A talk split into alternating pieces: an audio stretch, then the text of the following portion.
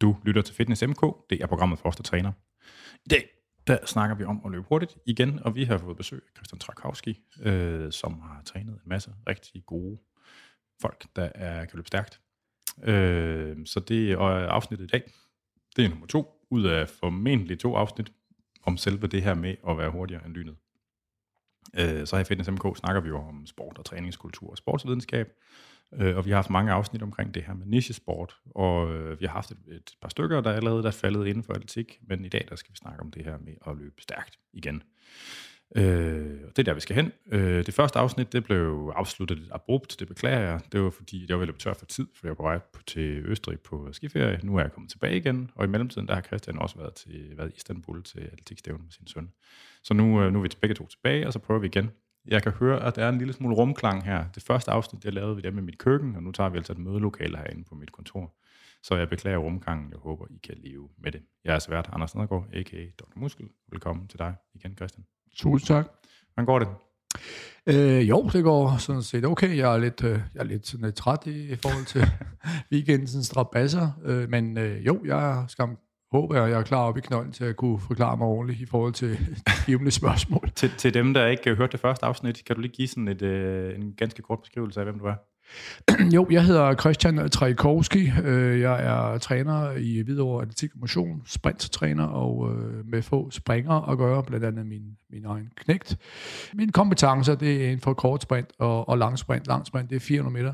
Øh, og så har jeg selvfølgelig jeg har en del know-how omkring længdespring. Ja, det var sådan set det. Ja, i forrige afsnit, der snakkede vi jo en lille smule om øh, din egen start på træning, hvor du, hvor, hvor du snakkede lidt om øh, Jesper Løvin Andersen, som du havde som træner i starten også. Mm. Nu ville skæbnen faktisk det, at øh, i fredags, der var ude på Bispebjerg, fordi at jeg skal lave noget, måske til at lave noget formidlingsknald for dem, hvor jeg så var sådan op og snakke med ham, hvor han, hvor han så spurgte, han, hør, han har hørt, at vi har snakket sammen faktisk. Okay. Øh, hvor han så, han sagde, at du var sådan, han sagde, at du var svær at træne i sin tid, for han sagde, at han havde en plan, så var du sådan lidt, ej, det skal jeg fandme nok selv bestemme, og så lavede du det der. så nu, så, så øh, så nu, nu er du på den anden side af bordet jo, ja. som, som træner selv. Hvordan, øh, hvad er dit perspektiv på det? Øh, jo, øh, mit perspektiv på det, det er jo sådan, at øh, jeg lige kigger igennem omkring, hvad er det for en personlighed, vi har med at gøre, som skal trænes, fordi når nu Jesper fortæller... Kan du genkende det? Ja, bestemt. og jeg kan stadigvæk øh, se mig selv i mange af dem, som kommer ind i, ja. i forhold til øh, med at blive trænet. Jeg kan udmærket godt genkende det. Og når jeg så over på den anden side, kan jeg også godt se, at okay, øh, det var nok en mangel på øh, know-how, viden for tidligere, og ved bare, at nå, jeg skal nok selv kunne styre hvad jeg synes er bedst for mig. Og det kan jeg også godt mærke, at mange af dem, de synes det i dag. Øh, de har et eller andet, øh, og i dag er det endnu sværere, fordi den der digitaliserede verden, der kan man altid gå ind og slå et eller andet op, så får man, bliver man lidt farvet af noget info fra YouTube, eller Google, eller whatever, og så får man stillet nogle spørgsmål, hvor jeg sådan tænker, om det er fint, til, det har jeg så modsvar på, ved at forklare noget andet, øh, stille en modspørgsmål, som de får lov til at sådan tænke omkring, er du nu sikker på det, du lige har fået og hørt, om det er den rigtige vej til, whatever vores arbejde skal nogle gange køre, fordi øh, mit udgangspunkt, det er som regel, jeg lytter, hvad, hvad de siger, øh, og så er min opgave til at fortælle dem, hvad jeg mener i forhold til den proces, øh, jeg øh, tænker er bedst for dem, og melde dem ud, så de får et indtryk af, at de er øh, involveret eller inkluderet i det, som jeg går rundt og planlægger. Jeg synes, det er sjovt, at du siger, at de får indtryk af. det er fordi, når jeg siger indtryk af... Ej, det var faktisk smart. Ej, det er fordi, det er fordi de processer nogle gange kører. Ja. Øh, jeg håber jo, at øh, jeg rammer dem i den proces. Øh, nu har jeg nogle... Øh, sidst, oh, var lige en lille smule på ham. Ja, ja selvfølgelig. Sidst der fik jeg jo sådan fortalt, at øh, nogle gange øh, jeg gik derfra med en fornemmelse af, okay, jeg fik jo ikke sagt særlig meget noget konkret. Det når vi i dag. Det når vi i dag, fint. Ja. Øh, det, hvor jeg ville hen, det var, at det var sådan noget med, at hvis jeg nu havde 15 stykker, og 8 af dem responderede rimelig godt omkring de processer, jeg nu begiver mig i. Altså psykologisk eller fysiologisk? Eller fysiologisk ja. og psykologisk. Øh, specielt fysiologisk, fordi at, øh, der er nogle tal på, det er det, det, og så har vi nogle øh, svar. Ikke? Det synes jeg ikke, jeg kom så meget ind på sidste gang, men det var fordi, jeg havde, har en bred vifte af, af, af, af forskellige udøvere, ja. øh, og derfor bliver jeg nødt til et eller andet sted at sige, at undervejs bliver jeg nødt til lige, og når jeg siger undervejs, så er det efter 8-10 uger, hvor jeg kan se, at det her, det er nok ikke det, vi skal gøre videre. Der forklarer jeg dem, hvorfor. Ja, men, men der er jo også noget, altså jeg har jo mange øh, bekendte, der beskæftiger sig med træning af folk på, i forskellige sammenhænge. Noget som personlig træning, og nogen som sportstræner. Altså, og hvad kan man sige, man har jo forske, altså, inden for, sådan, inden for behandlerverdenen, der har man jo øh, der har man sådan et begreb, der hedder clinical alliance, mm-hmm. altså, eller sådan oplevelsen af forbindelse mellem behandler og patient. Ikke? Altså, mm. det, kan man, det, den, den, det kan man jo overføre lineært til træner, den trænedes, øh, at, at man har forskellige grader af oplevelse af kontakt med dem, man træner. Mm-hmm. Og øh, alle dem, jeg nogensinde har snakket med det om, de siger jo, at de har aldrig oplevet, at, at de havde en, som de trænede, som de havde en dårlig forbindelse med, som fik et, et, et, et som responderede godt fysiologisk. Okay.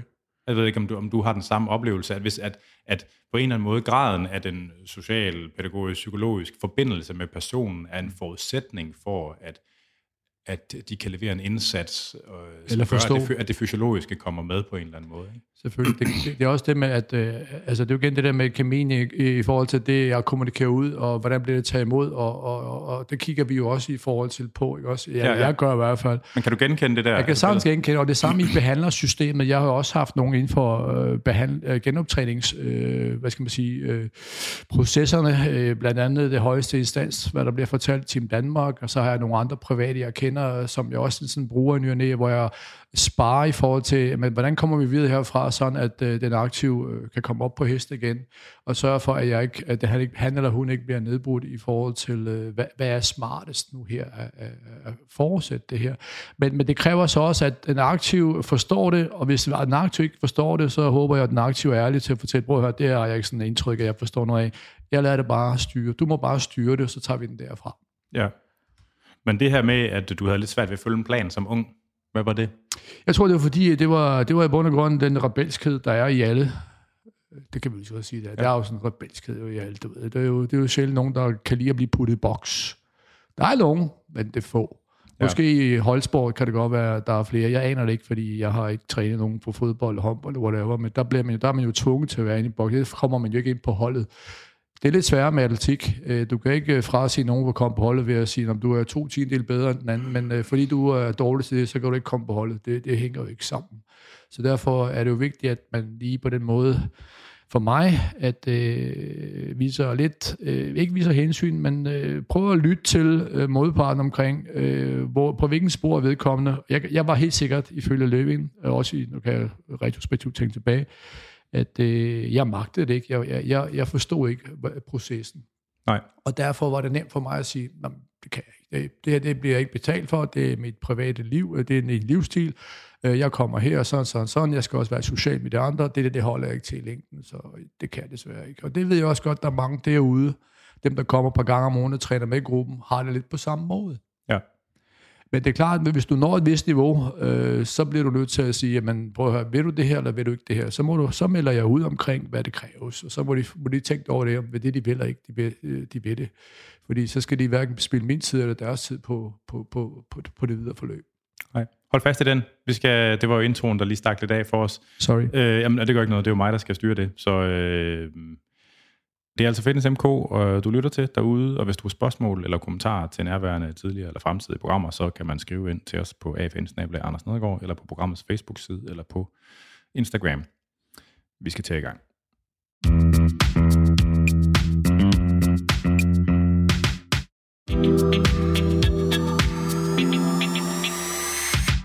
Du snakker om det der med at komme, komme på holdet. Ja. Øh, på baggrund af ligesom ens øh, evne til at samarbejde på en eller anden måde. Ikke? Mm. Øh, jeg på et tidspunkt, der lavede noget arbejde ude for Esbjerg Ishockey. Og ishockey har været sådan gennem, ja, dansk ishockey har været igennem sådan et, lidt et paradigmeskift, hvor at det er gået fra at være sådan lidt mere lidt en bundeknolds sport til at være sådan en rigtig elitesport. Og det har det været præget af, at man, at man mange gange så man bare havde haft dem, der var bedst til ishockey, og som manglede alle deres tænder og har langt nakkegarn, øh, sat dem på holdet.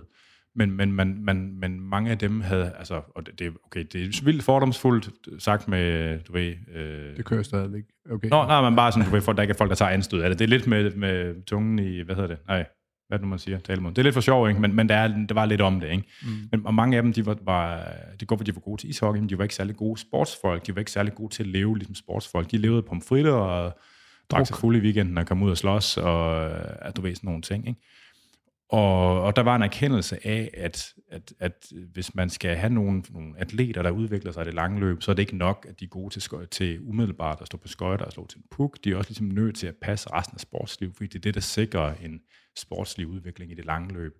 Og der tog man simpelthen nogle valg der, og så smed man simpelthen nogle, af dem af holdet, der egentlig var rigtig gode ishockeyspillere, men som ikke var særlig gode til at leve som sportsfolk. Mm. Fordi man ligesom tænkte, at det var mere bæredygtigt mm. at få dem, der ligesom havde hele pakken, fordi så kan det godt være, at de i udgangspunktet måske var lidt dårligere til at stå på skøjter og slå til en puk, men man tænkte, at de var mere op, altså, der var mere at bygge på i det længere tid. Ikke? Mm. Over sådan en overrække, så fik man egentlig øh, så fik man, øh, lavet om i truppen, og man fik skabt en kultur, hvor der var en forståelse, altså en bedre forståelse for, at det der, det var noget det, der skulle til for at Øh, Ændre kultur, eller ja, hvad skal man ja, sige, fjerde de dårlige rollemodeller, hvad kan ja, man kalde ja, det? Ja, ja, altså det var, det var Helle Brygger, der stod for det, eller hun var involveret i det dengang, ikke? Øh, og øh, hun er en sej dame, altså, mm-hmm. og de fik virkelig altså, lavet noget, der var rigtig godt der. Så nogle gange, så kan der også godt være et rationale i, Enig. I, i det, det der, ikke? Altså, at have sammen, altså lade sammenhængskraften til lige så meget som en umiddelbar præstationsevne. Nu, nu ved jeg godt, at atletik det er en, det er en øh, single sport. Single sport, præcis. Men nu, nu kan jeg huske, hvad det var, der gled, hvad der svipsede for mig før. Øh, for det var egentlig noget, der noget, det, der stod sådan på den her meget overordnede dagsorden, jeg har skrevet. Øh, der er jo sådan en stående myte om, at sprinter, det er sådan nogle egoistiske røvhuller, altså I får relativt til mange af de andre discipliner, ligesom at, det er nogle særlig, at der er en særlig sådan, psykologisk typologi, der følger med det her med en, enten at have et, øh, et, et at vælge at løbe og sprint, eller om det måske hænger sammen med selve den fysiologiske evne til at løbe rigtig stærkt. Altså, at der er en typologi, der hænger sammen.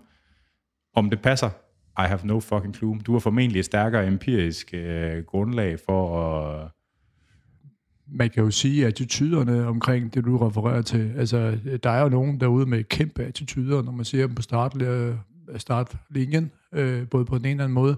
Og der er også nogen, der snakker ligesom, øh, nogen, der har det samme attitude, som Muhammad Ali havde i gamle dage, om det greatest og whatever. Øh, men, men jeg tænker, øh, at det bliver jo bevidst sådan, når de finder ud af, at de har nogle forudsætninger, der gør, at de kan lege med dem der deroppe så kommer de der attityder stille og roligt frem med, at de, kan, de føler, at de kan tillade sig noget mere end alle mulige andre kan. Måske det samme med Esbjerg, med dem, som ingen tænder havde, eller gik ud og drak sig i hegnet øh, hver weekend, fordi at det var deres livsstil. Det vidste godt, de kom på hold alligevel. Der var ikke nogen, der ville kunne overgå dem, ligesom en Zlatan Ibrahimovic har, øh, eller Maradona havde sine ting og sager. Nej, det var kokain for ham. jo, men det var kokain. Men jeg tænkte mere på øh, selve, hvis du kigger på Maradona og hans guds hånd, og jeg ved snart ikke, hvad, hvad han ellers skulle. Han var jo gudsbenået fodboldspiller, det kan jo ikke komme ud om. Nej, nej.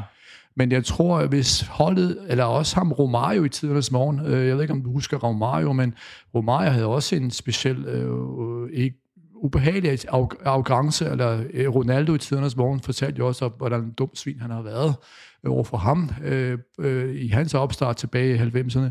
Og øh, Bobby Robson, som var træner i PSV tidernes morgen, han måtte jo sige til resten af spillerne, at Romario var så speciel, at øh, han indgik en aftale med ham. Han lovede ham hver gang, at når han stillede op til, når der var kampe, så skal han nok sørge for, at de scorede. Men han gav sat med ikke at indordne sig omkring træning, øh, dens øh, beskaffenhed og hvad der ellers blev budt, fordi det var ikke noget for ham. Og det var Bobby Robson, der satte i en dokumentar, som jeg sådan tilfældigvis så. Øh, og det gav mig en vink med en vognstrøm omkring, at behandling af de specielle primadonnaer, eller hvad pokker de hedder, de der egocentrikere, hvor udnytter vi dem bedst? Øh, og det kan man så sige, at øh, der gjorde Bobby Robson jo et eller andet der, hvor jeg tænkte, om det var sgu da godt set et eller andet sted, i forhold til, at øh, han fortalte resten af holdet, at øh, sådan var det til at starte med, og hvis han ikke lever op til de aftaler, så kommer han bare i holdet. Altså han skulle score det der mål Han skulle simpelthen score et mål hver gang. Ja, og, gjorde han det? Altså, og, det, det gjorde, ikke, og det gjorde Romario. Hvor lang tid kunne han det? Jamen, han startede med, hvad talent blev hentet fra Brasilien øh, til PSV i starten, fordi han var et kæmpe talent. Så røg han til Barcelona, og Michael Laudrup kender ham udmærket godt. Han var jo en trio mellem, mellem Laudrup og Stoichkov i tidernes morgen. Det er de det er sådan 90'er noget 90'er start, hvor ja. Johan Cruyff var, var træner dengang. Øh, det er sådan nogle dokumentarting, jeg sådan, det, det, det nørder med, jeg er helt vild med. Men det giver jo alligevel lidt indsigt i forhold til øh, behandling af forskellige typer. Øh, det er ikke altid nemt, at man putter bare alle i en boks og siger, nu bliver det bare sådan her, fordi det er mest bekvemt, det er mest rart og bla bla bla. Det kan godt være lidt besværligt den anden vej med Maradona-typer, med Zlatan-typer, med Romario-typer.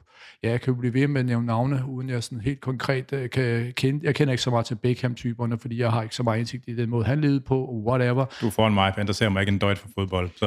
Nå, det kan være, at der er nogen derude, der kender ja, ja, ja. til det, jeg siger. Så det er bare for at sige omkring de ting, de personligheder, de profiler. Øh, nogle gange skal man nok nøste mere, end hvad godt er, for at få det bedste ud af dem, så også gavne enheden, gavne holdet.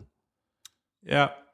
Mm, altså, jeg har jo en ting, som jeg har sagt mange gange, øh, så jeg, jeg, lytterne, dem, I må undskylde, hvis det keder jer, men jeg siger, at der findes ikke store egoer, der findes kun skrøbelige.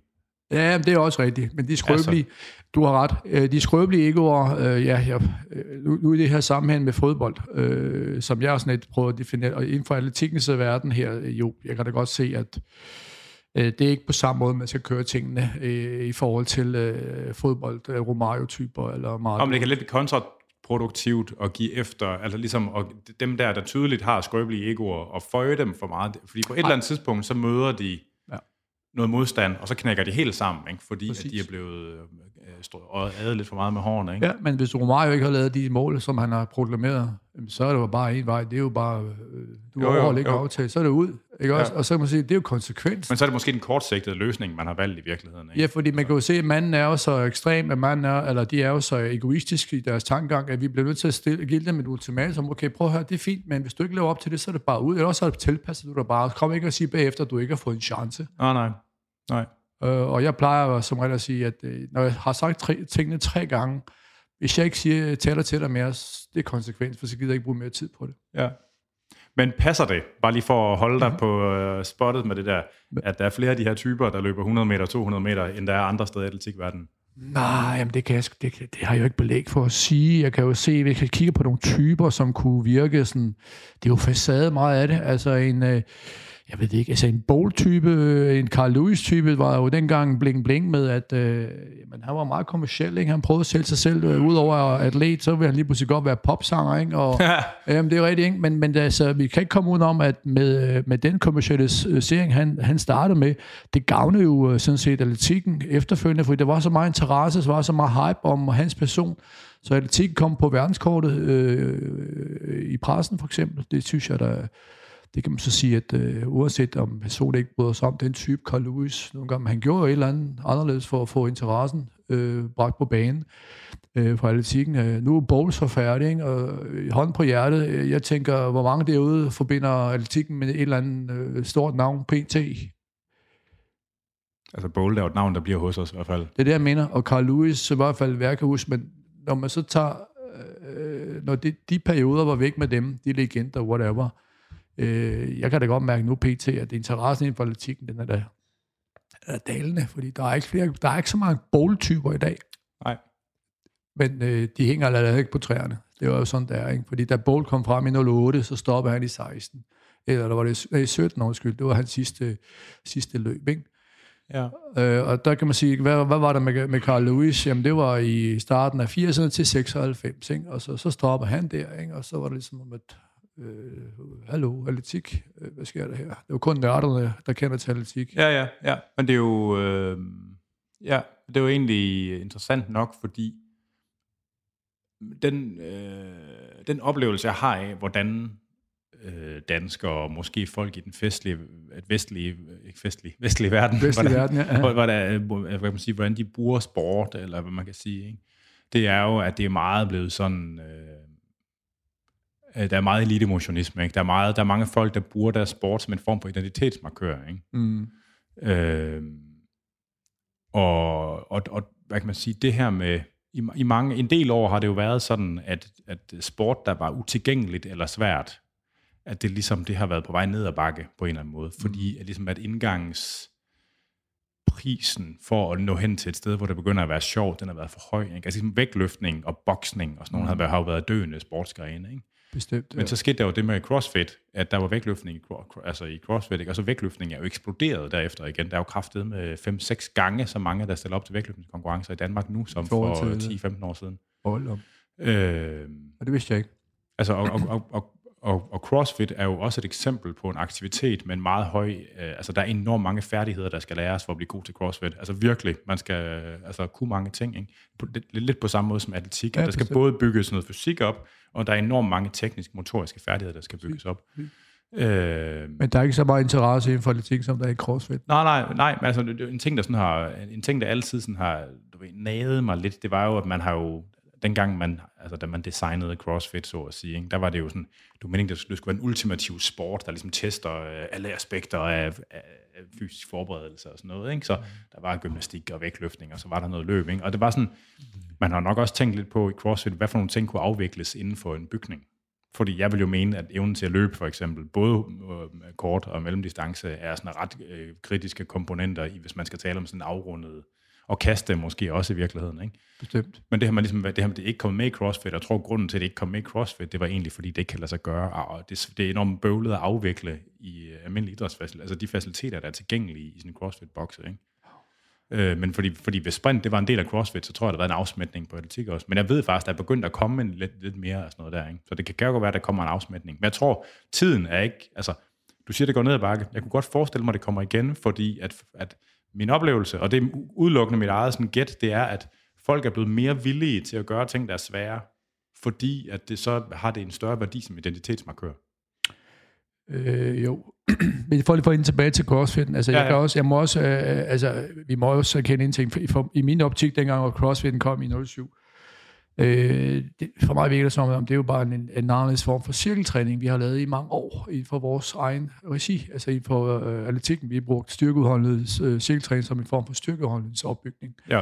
Der kom så nogle andre elementer med i forhold til øh, vægtløftning og forskellige og ting. Og gymnastik, jeg tænker. Og, gy- ja, og gymnastik og, og, og, og adræthed. Altså der kan man så sige, at øh, øh, øh, jo, øh, øh, jeg tænker mere, at det, det, det er mere den kommersielle del, øh, som måske øh, er meget skyld i, at, at, at det vækker nogle interesser forskellige steder hen.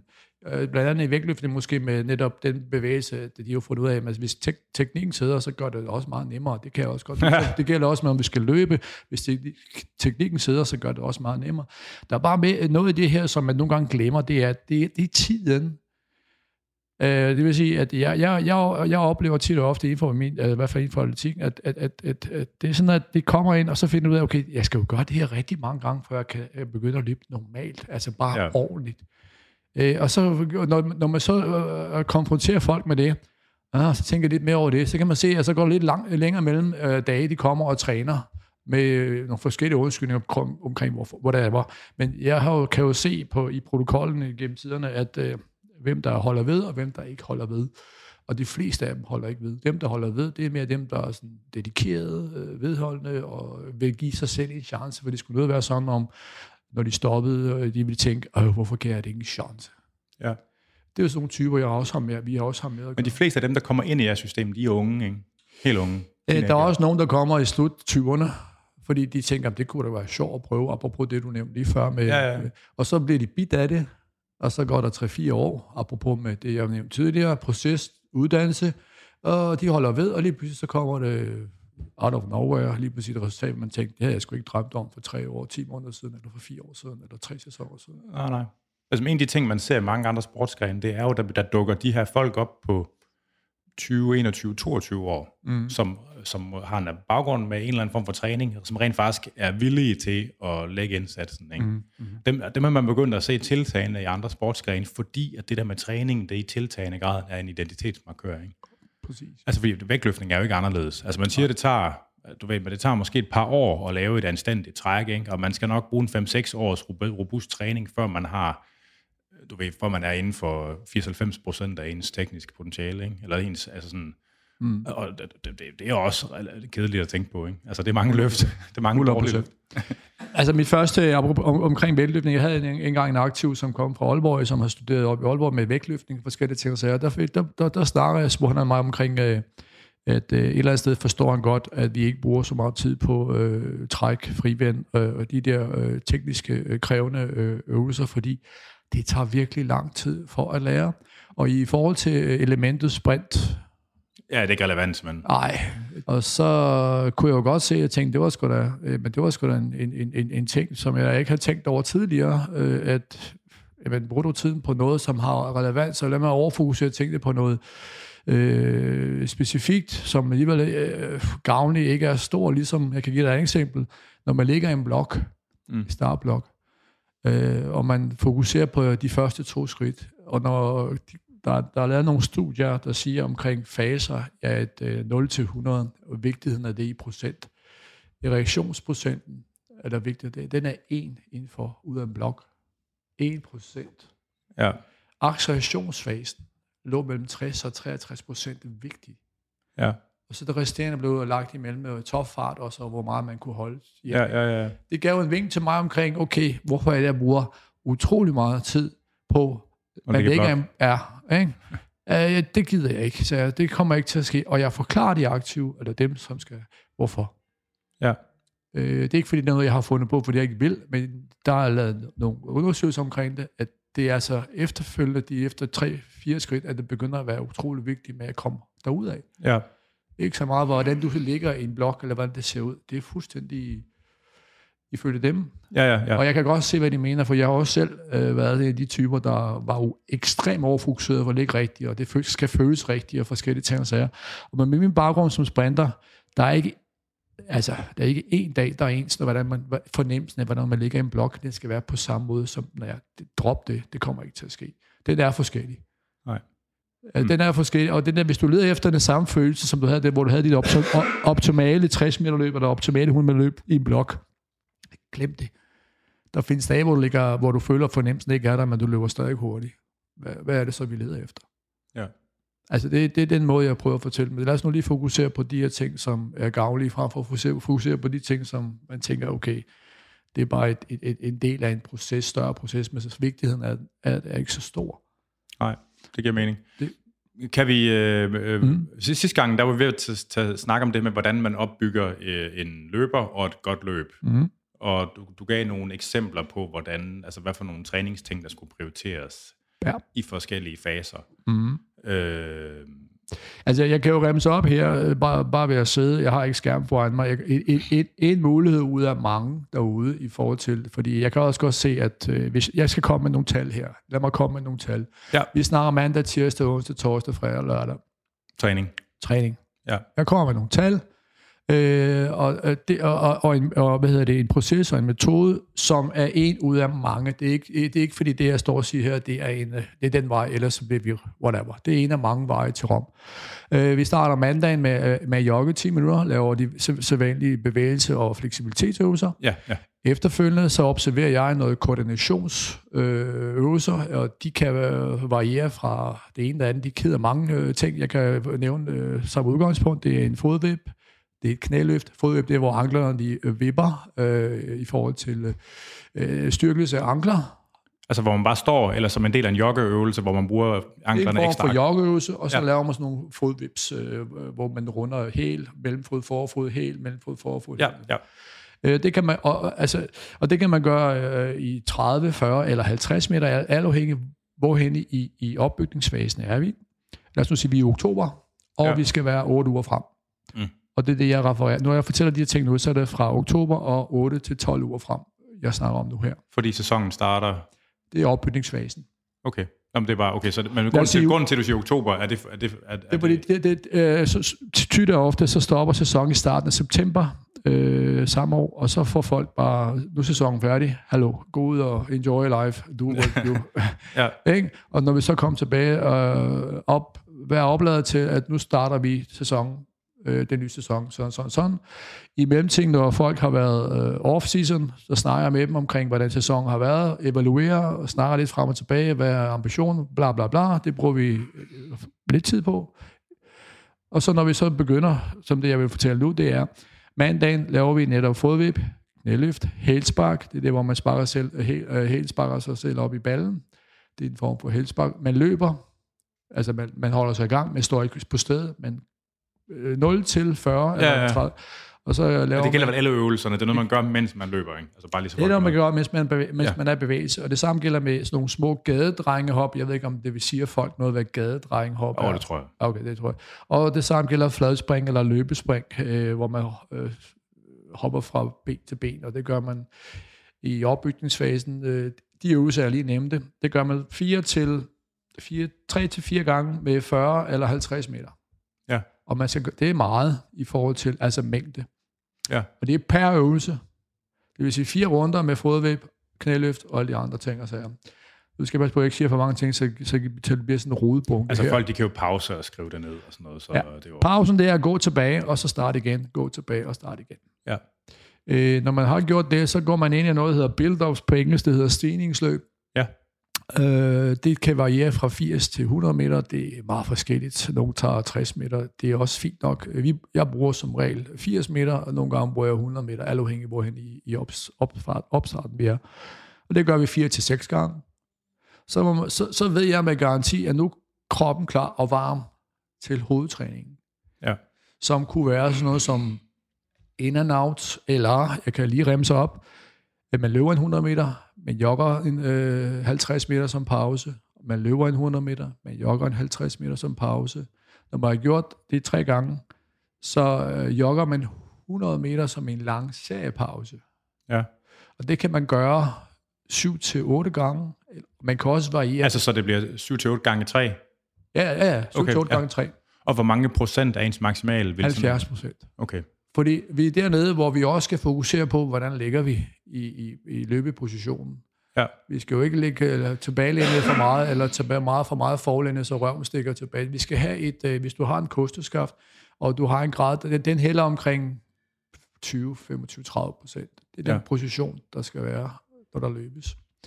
Øh, når det så er færdigt, så plejer jeg, eller nogle gange at gøre det, går vi ned i kælderen, så laver vi squat. Ja. Og øh, squat, det er også i forhold til øh, niveau. Hvad niveau er man på? Er du en, der har, kan tage 160 kilo i dybe squat, så starter du øh, fem runder, øh, syv gentagelser med 80 kilo. Ja. Og for hver gang, så øh, stiger du 5 kilo. Det er mandag og fredag. Okay. Styrkemæssigt ser det ens ud. To gange om dagen, to gange om ugen. Ja, Ja. mandag og fredag. Øh, det jeg nævnte til at starte med om mandagen med løbende, der løber vi ikke lige så meget, som vi gjorde om mandagen. Der laver vi for eksempel 10 gange eller 8 gange 150 meter løb. Okay. Øh, og det er fordi, at nu er vi jo på femte dag. Spørgsmål. Ja. Hvor stor forskel gør dem til 100 eller 200 meter, det her? Øh, det er Eller 400 mere meter. processen. Det er mere Okay, processen. okay, altså det gør ikke så nødvendigvis nej, så stor nej, forskel. nej, det er mere okay. processen. Det er mere den der del med... Ja, ja. Fordi husk på det fredag, og man, vi startede frisk om mandagen, og tirsdag og onsdag, Ja, ja, ja. ja, så begynder det. Det er sådan, det, på den måde, det er sådan gennemtænkt. Tirsdag, der, der er det styrke udholdenhedsdag. Ja. Lad mig sige det på den måde til lytterne derude, der kan, der kan forstå det. Det er crossfit-træningsagtige ting. Og ja. ja. Men en dag, der har man løbet en kæmpe tur, altså en tur på 20 minutter jog, og lavet de sædvanlige koordinationsøvelser. Vi har også nogle hække, hvor vi nærmest 7-8 hække, hvor vi laver nogle specielle øvelser, hvor vi går over for lige at, at blive, mere øh, smidig i vores hofte. Hvad hedder de? Hække. Jamen, hvad hedder øvelsen? Hedder det Øh, bare hækkoordination. Okay, ja. Jeg, jeg har set det på Yo- YouTube, jeg vidste ikke, om det, hvad det, Det hedder på dansk. Altså, Hurdle Rails på YouTube, tror jeg, det hedder. Øh, Det er bare hækkoordinationer. Øh, Og dem findes der utrolig mange forskellige arter øh, af.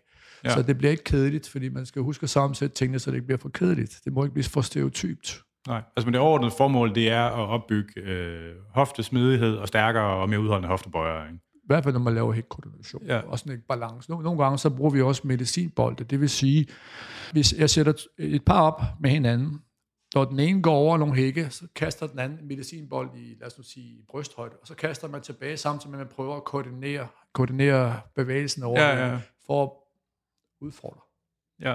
både på den ene og den anden side. Ja. Men, men det er sådan lidt mere detaljeret. Øh, Det tror jeg ikke, det skal ses, før det forstås. Øh, Når det så alle de ting er gjort, så går vi ned i, øh, i styrkerummet, og så laver vi styrkeudholdenhed, øh, crossfit. Ja. Og øh, det kan være sådan noget med, at det er maveregionstræning. Der er jo mange forskellige maveøvelser. Øh, vælger nogle. Yes. der, og der er også ryg. Der er også der er mange hopøvelser. Øh, boxhop. Du er ligesom du øh, saksehop på en boks af 50-60 cm højde. Det vil sige, ligesom, jeg ved ikke om folk Hvad er saksehop? det er, hvis du tager det ene ben foran en kasse, så sætter du af, og så skifter du i luften, når du lander på den anden. Altså ligesom en saks. Ja, okay. Ja, Kan du følge mig? ja, ja. Øh, Sådan en fod svæver. Ja, Ja, ja, ja. præcis. Og Men øh, intensiteten er ikke max, men den er i hvert fald på 85 procent. Hvorfor? Fordi vi skal igennem det her 30 sekunder med 30 sekunders pause, eller 20 sekunder med 10 sekunders pause. Altså kært barn har jo mange navne, og, og, og der er også i forhold til forskellige processer, hvad, hvad, hvad er formålet med det her? Ikke? Øh, alle kender jo til det her Tabata 2010, eller hvad det hedder. Øh, Ja. ja. Nok en af de mest voldtagede uh, intervalkoncepter nogensinde. Ja. Og en af grunden til at nævne dem, det er, fordi folk hele tiden spørger til dem, kan vi ikke lade prøve? Og jeg siger, oh, okay, ja, vi kan godt prøve. Er I sikre på, at I vil det? Og det vil vi gerne. Og så efter Men de gør det i øvelser, ikke på cykel. Ah, nej, det gør det ikke. Altså på cykel. Det, Tabata-protokollen, det er en cykel højintervaltræning. Altså alt det, det der med at gøre det i øvelser, det er en bastardisering. Det er ikke Tabata, det er noget, som folk de... Det tror jeg præcis. Og det, det er ikke på cykel, det er Nej. simpelthen på øvelser. Ja, ja. Og den hårdeste, jeg nogensinde har prøvet med dem, det er, at vi har valgt seks øvelser, hvor vi fuldfører otte gange samme øvelse med 10 sekunders pause. 20 sekunders aktivitet, 10 sekunders pause. Med 4 minutters pause imellem. Så skifter vi en ny, til en ny øvelse. Og den er, det, det er en killer af den værste skuffe, hvis du spørger mig. Jeg har selv prøvet det, og jeg må ikke om, at det, det er ikke lige, det er sgu ikke for sarte sjæle. Du skal prøve det på cykel. Skal man prøve det på cykel? Ja, det tror jeg, så, så tror jeg, det... 2010, hvor det er maksimalt 20 Ja, sekunder. men det er ikke... Ja, men nu skal jeg se. Jeg kan ikke huske, om det er... Jeg tror, det er 100... Det er 20, det er 20 sekunder på 160 procent af ens VO2 max, og 10 sekunders pause for 8 runder. Ja. I, I det videnskabelige studie, hvor, altså, hvor ham der Tabata gjorde det første gang, der var det sådan, altså halvdelen gennemførte ikke alle runder. Mm-hmm. Altså, så det er, Jeg kan godt forestille mig. ej, det er helt urimeligt modbydeligt. Ja, altså, det er, kan jeg godt forestille Ja, mig. nå, altså, det er ikke fordi det andet ikke er hårdt, men det er som om det der op, ligesom at løbe, ligesom den værste distance at løbe, det er også 400 meter, synes jeg, fordi, at, fordi man, kan, man kan sprinte hele vejen, og så får man regningen bagefter, og det, det er lidt noget andet i 800, og sådan, der kan man ligesom ikke bare fyre den af, altså på samme Det er sørme svært, kan jeg fortælle dig. Øh, ja. Øh, så I laver cirkelstationstræning af forskellige... Forskellige artigheder, som er, skal implementeres i, i, i, i, hvad skal man sige, i kroppen, som har relevans, så det den skal øh, udsættes for senere hen. Så er det målet mest at skabe muskeludmattelse, eller skabe sådan noget hele krops anaerob noget, eller en blanding? Målet er at styrke udholde kroppen. Altså skabe noget udholdenhed i kroppen. Men, men på lokalt niveau, eller sådan på helt globalt? krops, helt okay. krops. Så det skal sådan noget, det er sådan pulsen er pænt oppe. man, sådan man får kvalme af mere end det bare Præcis, ikke? Det er sådan, at hvis du tager 10 øvelser, den ene af dem er høj intensitet, de næste to er lav intensitet, og så kommer høj intensitet igen og lav intensitet. Det vil sige, når jeg nævner det på den her måde, det vil sige, at det kan være sådan nogle, hvor vi laver englehop til at starte med, eller hvad det hedder, dybe opspring, og så de næste to øvelser, det er mave og ryg, hvor man ligger ned, og den fjerde øvelse, det er noget, hvor man hopper på bokse, hvor man er i gang med høj intensitet, og så laver man to øh, lav intensitet øvelser efterfølgende igen. Ja, ja, Det var en mulighed. det giver mening. Ja. Det var tirsdag. Det var tirsdag. Ja. Onsdag, der bevæger, det mener lidt, opvarmningen mener om mandagen, men der løber vi så, Altså den opvarmning, det er vel sådan en, en helt overordnet atletik. kan man godt sige, den varierer bare i, i øvelser, så det ikke bliver for trivielt. Okay, ja. Men, men, men, øh, men hensigten er den samme. Altså så man har sådan en repertoire af en 8-10 af de her forskellige øvelser, der har til Som formål gerne at få skulle gøre, at ens løbestil skulle blive bedre. Ja, okay. Og man, kan, og man vælger dem ud afhængig efter ens svaghedsgrad, svagheder er, eller hvad? Man vælger dem ud fra omkring de stimuli, de er, og undervejs bliver man korrigeret, hvis det er, at man ikke lige rammer den position, Ja, ja, der skal være. Og det er derfor, vi står og kigger lidt i forhold til lige pointere, fokusere lige lidt på den næste gang. Du har jo fire muligheder, og hvis den første er elendig, så har du tre muligheder til at korrigere lidt det på, og så videre, og så videre. Ja, ja. Øh, Det er i hvert fald det, der er hensigten med, med, Ja, med, med ja. øvelserne. Øh, Den øh, tredje dag, som er en onsdag, øh, det er, det er anaerob øh, produktion, eller ter, øh, syretærskel, eller hvad der var, man hedder, tolerancetærskel. Det er sådan noget med enten øh, 6 til 8 gange 500 meter, eller 8 til 10 gange øh, 300 meters løb. Og hvad for en intensitet cirka vil det være på? Det svarer til, hvis, du tager, hvis vi nu tager den, øh, den der løber 10-6 på en 100 meter, øh, vil det svare til, øh, vedkommende skulle løbe øh, 14-15 sekunder. En, hvis du tager en helt almindelig gennemsnitlig 20-årig mand ind og sætter dem til at løbe 100 meter, hvor hurtigt løber det så? 12, 13? Det er meget forskelligt. Altså, der er nogen, der er virkelig man tænker, hold op, de har sgu da et godt udgangspunkt. Men øh, hvis du løber 12, så er det ok. Okay. Hvis du løber 12-5, så er det godkendt. Hvis du løber 13, så skal vi til at træne. Okay. Hvad med, og, hvor, og hvor meget ændrer det med alderen? Hvis det er en gennemsnitlig 30-årig eller 40-årig? Eller? Bare lige nu... Øh... Min erfaring med dem, som kom udefra, og, altså jeg, med alderen, nu nævnte du selv alderen, øh, min erfaring med en 29-årig, der kom, øh, startede på 11.70, øh, 3-4 år efter et med at løbe 10.90. Ja, men det var så også en, et talent. Altså, eller ikke Nej, ja, talent. han kom bare udefra. Øh, utrolig udskolet, men der, man kan sige, at talentet lå i, at øh, han havde et, et ekstremt godt af, afviklingsmoment. Okay.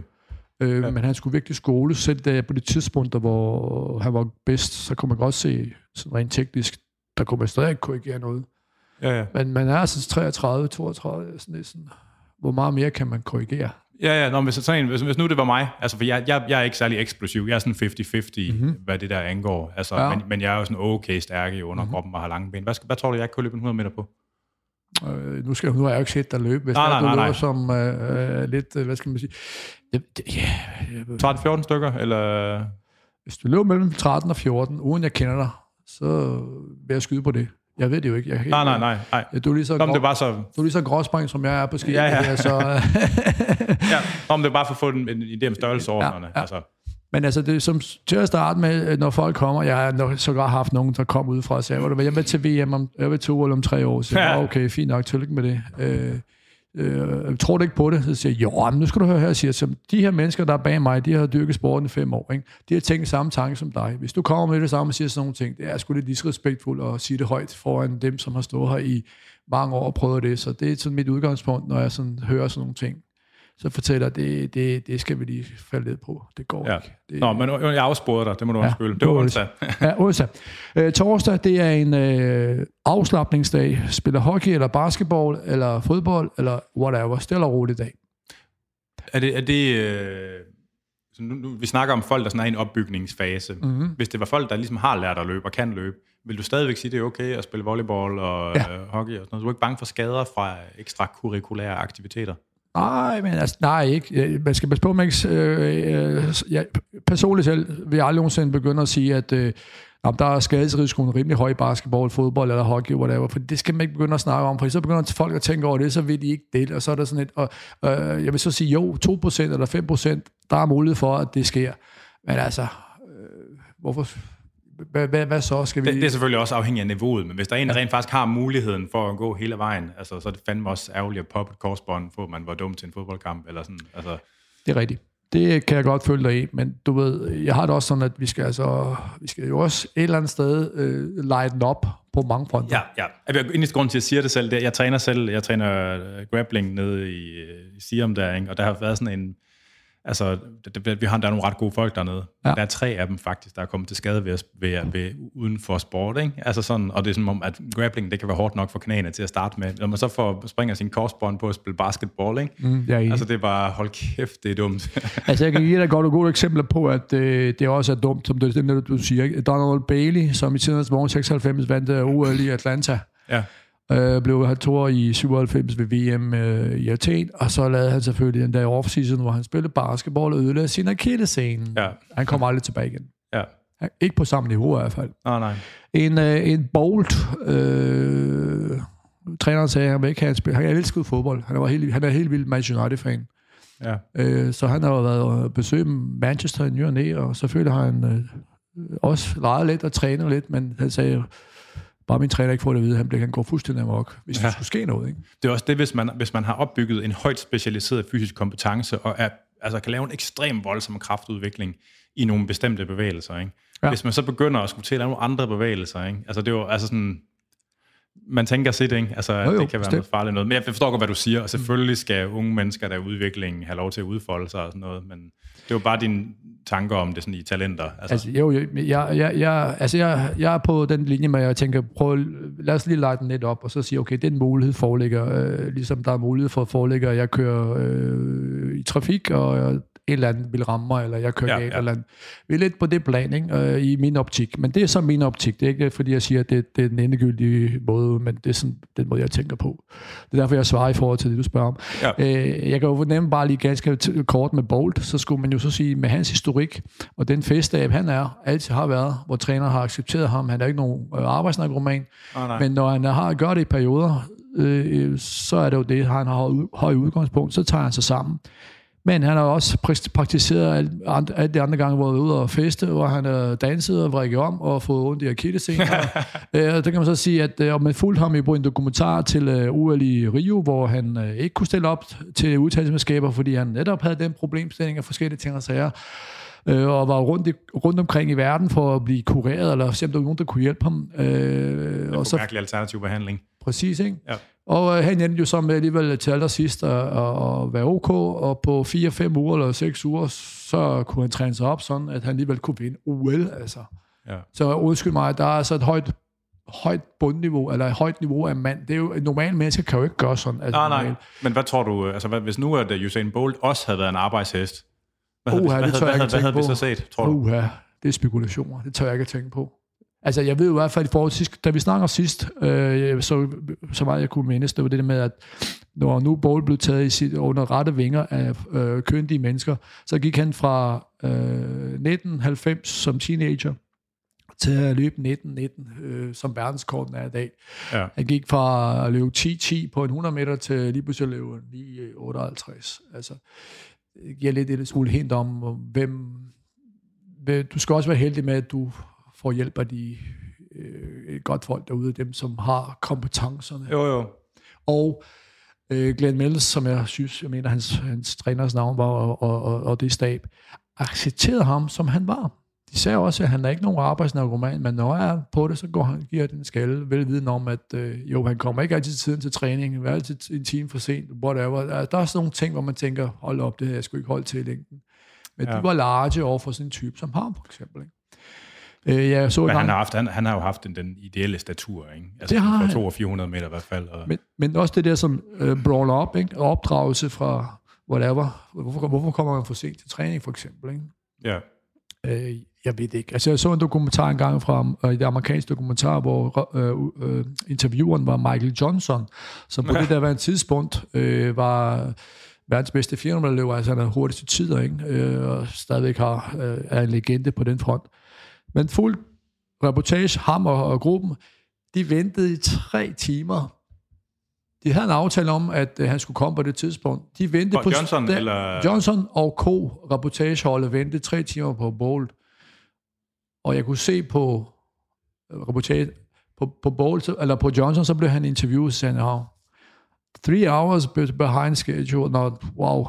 Uh, in my days when I trained, I didn't once came late sagde han så bare, ikke? med den attitude, han var lidt utilfreds med det. Ja, ja. Men så kom bowling, og hvad skete der så? Ikke? Så kunne jeg jo godt se, så lejede han jo helt op, Johnson, for nu skulle han jo have et godt interview.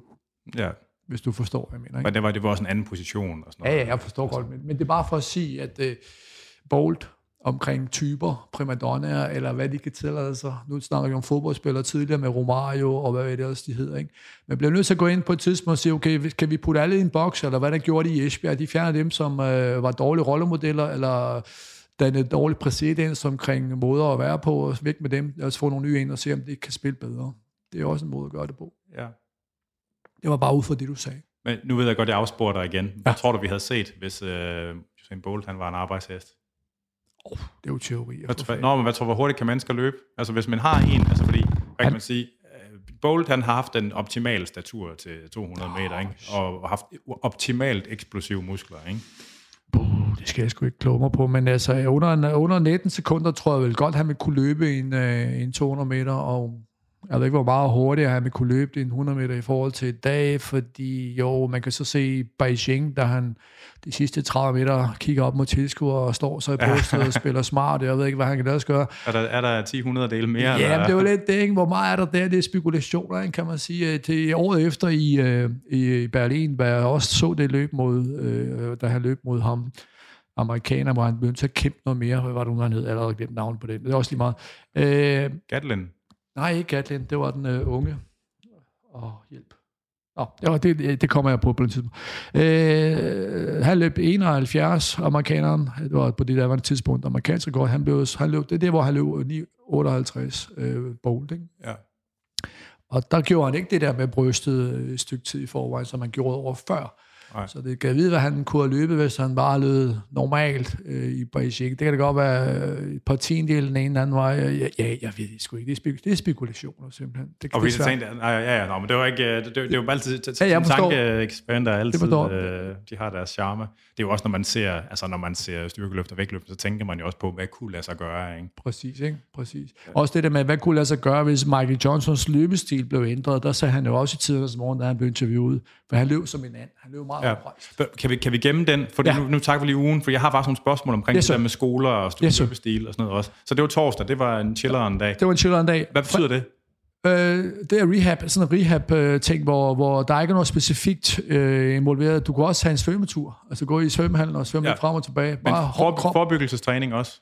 Øh, øh, nej, det er sådan mere relaxation, altså afslappning. Det er det, hvor kroppen lige kommer til hægterne, får lidt mere tid til, at den, øh, det er ligesom du ved, hvis du har en væg, øh, når du træner, så smider du en byggesten væk, og i løbet af de der øh, pauser, indtil næste træning, så skulle du gerne øh, i løbet af de 24 timer være to byggesten. Det er derfor, det er ret essentielt, at man har en proces, der er ikke kun nedbryder, men også bygger op, også gerne i den, den del, hvor du, hvor du ikke træner. Ja.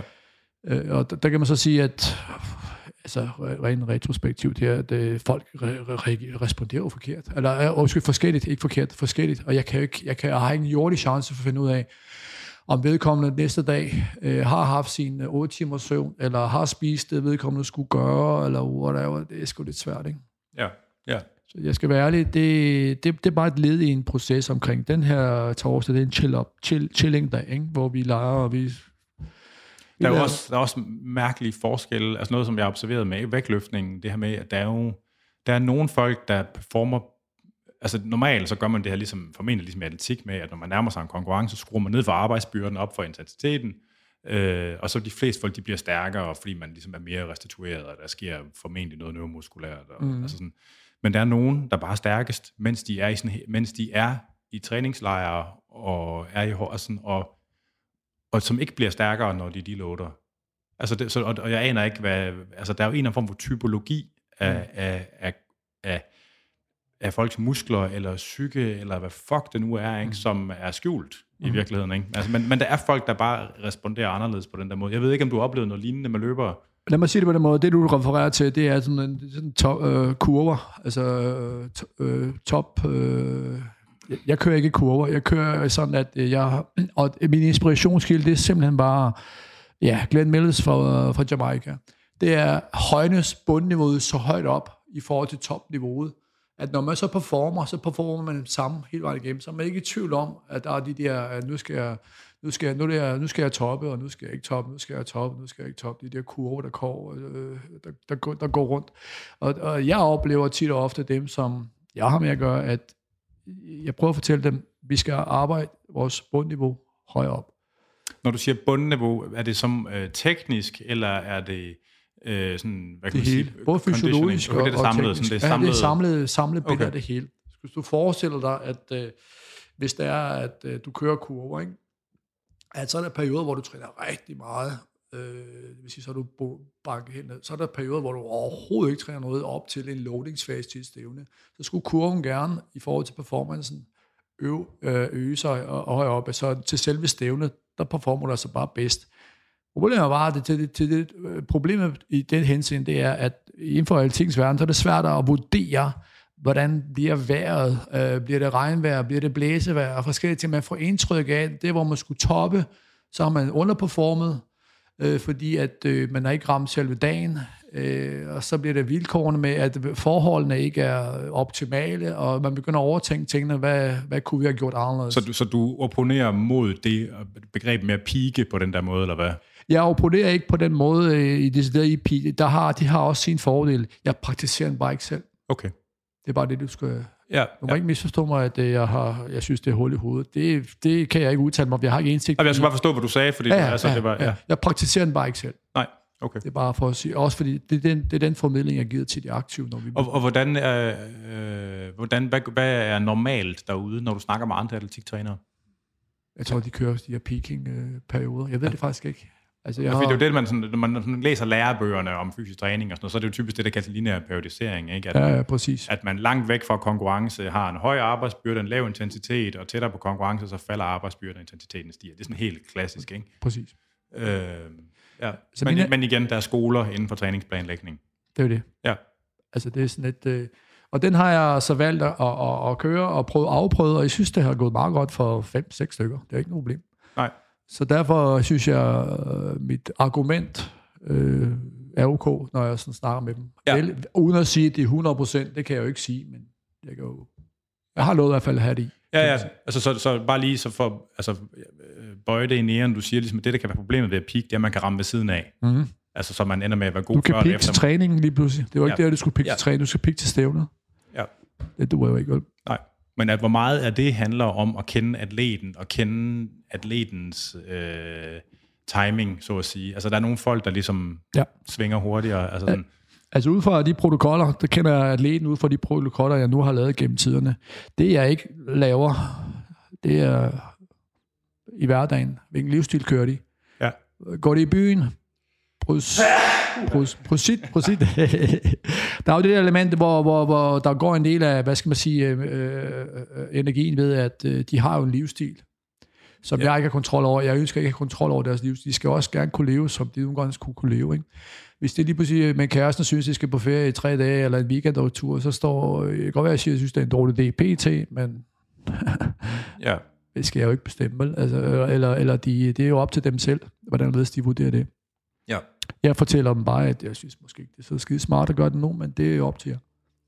Jeg kan jo ikke forbyde dem det, vel? De får jo ikke, det er jo ikke fordi, at jeg ejer dem heller ikke, men jeg giver dem heller ikke nogen løn, så det er ikke sådan på den måde, jeg, jeg lader sted øh, ja, kan holde på dem på den måde. Hvis de har lyst til at feste og gå til fødselsdag, så gå ud til fest. Ja, men jeg skal nok lade med at drikke. Jamen, det er fint, det siger de fleste, og de ender med at komme fuld hjem, så ja, whatever. Ja. Øh, det har jeg lidt flere spørgsmål til. Vi kom til fredag. Ja, det var fredag. Øh, det var det, jeg sagde. Mandag og, og, og, og fredag lignede hinanden. Bortset fra 100, 200 mandagen og 150 øh, eksempel øh, løb øh, fredagen med øh, squat øh, 5 kilo op i dybe squat eksempel, eller halve squat, afhængig af hvem man er.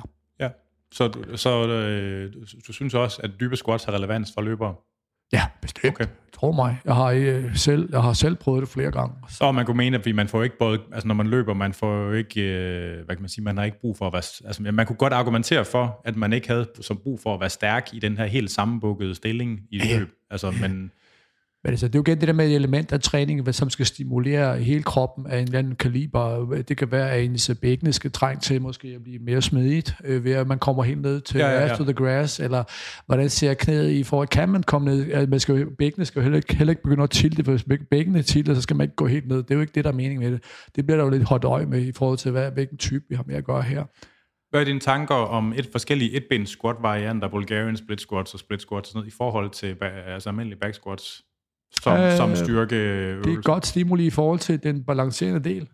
Ja. Jeg synes, det er et fantastisk øh, tiltag, det, men skal man ikke underkende, at når man har Bulgarien, øh, og man, skal, man begynder at blive træt her så begynder man, skal man hele tiden stabilisere for at holde i, sig selv i balance. Ergo så øh, indtræder der nogle andre muskulære bevægelser, som man ikke ville gøre, hvis man gjorde det den ja, almindelige squat. Ja, altså jeg tror, mine egne tanker om øh, sådan støttetræning i andre sammenhænge. Altså, der vil jeg måske være, altså, jeg vil måske i virkeligheden favorisere et ben squat varianter, fordi de er lige så gode til at give muskler og styrke i benene, og måske endda en mere relevant måde for løbere, det ved jeg ikke. Jo, jo bestemt. Fordi altså, øh, jeg, jeg er enig. Øh, det er jo igen det der med et... Øh, øh, med, med belastning. Ikke? Så hvor, hvor meget belastning skal der på ikke? i forhold til, jeg, jeg, jeg, jeg kører med det der safe med, hvis, hvis jeg kører noget belastning, så vil jeg nok hellere lige have, at, øh, at man laver en hel ting, sådan en dyb squat frem for det et ben, fordi der er måske risici for, at man øh, mister balancen en anden, fordi man er mere øh, dominerende, den ene side stærkere end kontra den anden. Så skal man lige finde ud af i min optik, at øh, det vil jeg ikke udfordre folk i altså på nogen som helst måde. Jeg vil bygge dem op, få dem stimuleret, men jeg vil, ikke, jeg vil sgu ikke udfordre dem i at lave en eller anden et bench squat test eller whatever. Nej, nej. Altså jeg vil heller ikke lave et bench squat med en stang, jeg vil gøre det med håndvægte i hænderne, så man okay. har mulighed for at ja, ja. dem. Ikke? Jamen, der er mange måder at gøre det på. Du ja, ja, kan også ja. gøre det med armene strakt over hovedet, og så kan du prøve at lave en uh, et bench squat, og du kan, ja, eller, ja. eller en kettlebell den ene side kun, og så prøver at stabilisere hele tiden. Der findes mange øvelser derude, som er exceptionelle. Men så er det jo mobilitet i stedet for styrke. Altså, og... Præcis, ikke? Det er en form for øh, vedlige, eller skadesforbyggende træning, kan man kalde det. Ikke? Du styrker nogle led, som du normalt ikke vil gøre, hvis du bare løb. Ja. Øh, så nu, nu tog vi hul på det der ligesom med skoler inden for træningsplanlægning. Vi var der lørdag. Nå ja, sorry. Ja, sorry. No Lørdag. Nej, men den, Ja, du no er godt, du er Lør- vågen. No, problem. Lørdag er samme som tirsdag i bund og grund. Styrkeudholdhed. Okay. Fri, søndag fri. Ja. Så man har fridag simpelthen. Søndag fri. Ja, ja. Øh, så det, øh, nu, jeg har jo sådan et punkt, der hedder sådan, øh, altså skoler inden for træningsplanlægning. Ikke? Så, så du tilslutter dig ikke det her med at pike den her lineære periodiseringsmodel. Er, der- er der slet ikke nogen variation op mod konkurrence? Bortfalder styrketræningen, eller altså, slet ikke noget? Øh, Det, der bortfalder, det er mængden. Okay. Der kommer ikke til at være så meget mængde, men der kommer hele tiden til at være vi kan træk som et godt eksplosiv øh, øh, øvelseshalløj. Men Der er en dag, hvor så tager jeg træk ud, så laver jeg hækkehop i stedet for, hvor de hækkene er 1 meter og 7 høje, er, og undskyld, 1 meter og 0,7 cm, ikke 1 meter og 7, det var lige 1, 1 meter høje, lad os bare kalde dem 1 meter høje, og pæn afstand imellem, hvor man så skal gå derind ud over, at man skal både stimulere den horisontale og den vertikale, øh, hvad skal man sige, momentum i det her. Og der bliver man jo presset, hvis man skal over en meter, Ja. og der er to meter til næste hæk. Har du set de der videoer, der er med Steffen Holm? Oh, ja, har, Hvor han sprøjter løber over, over en ja, hække på to meter.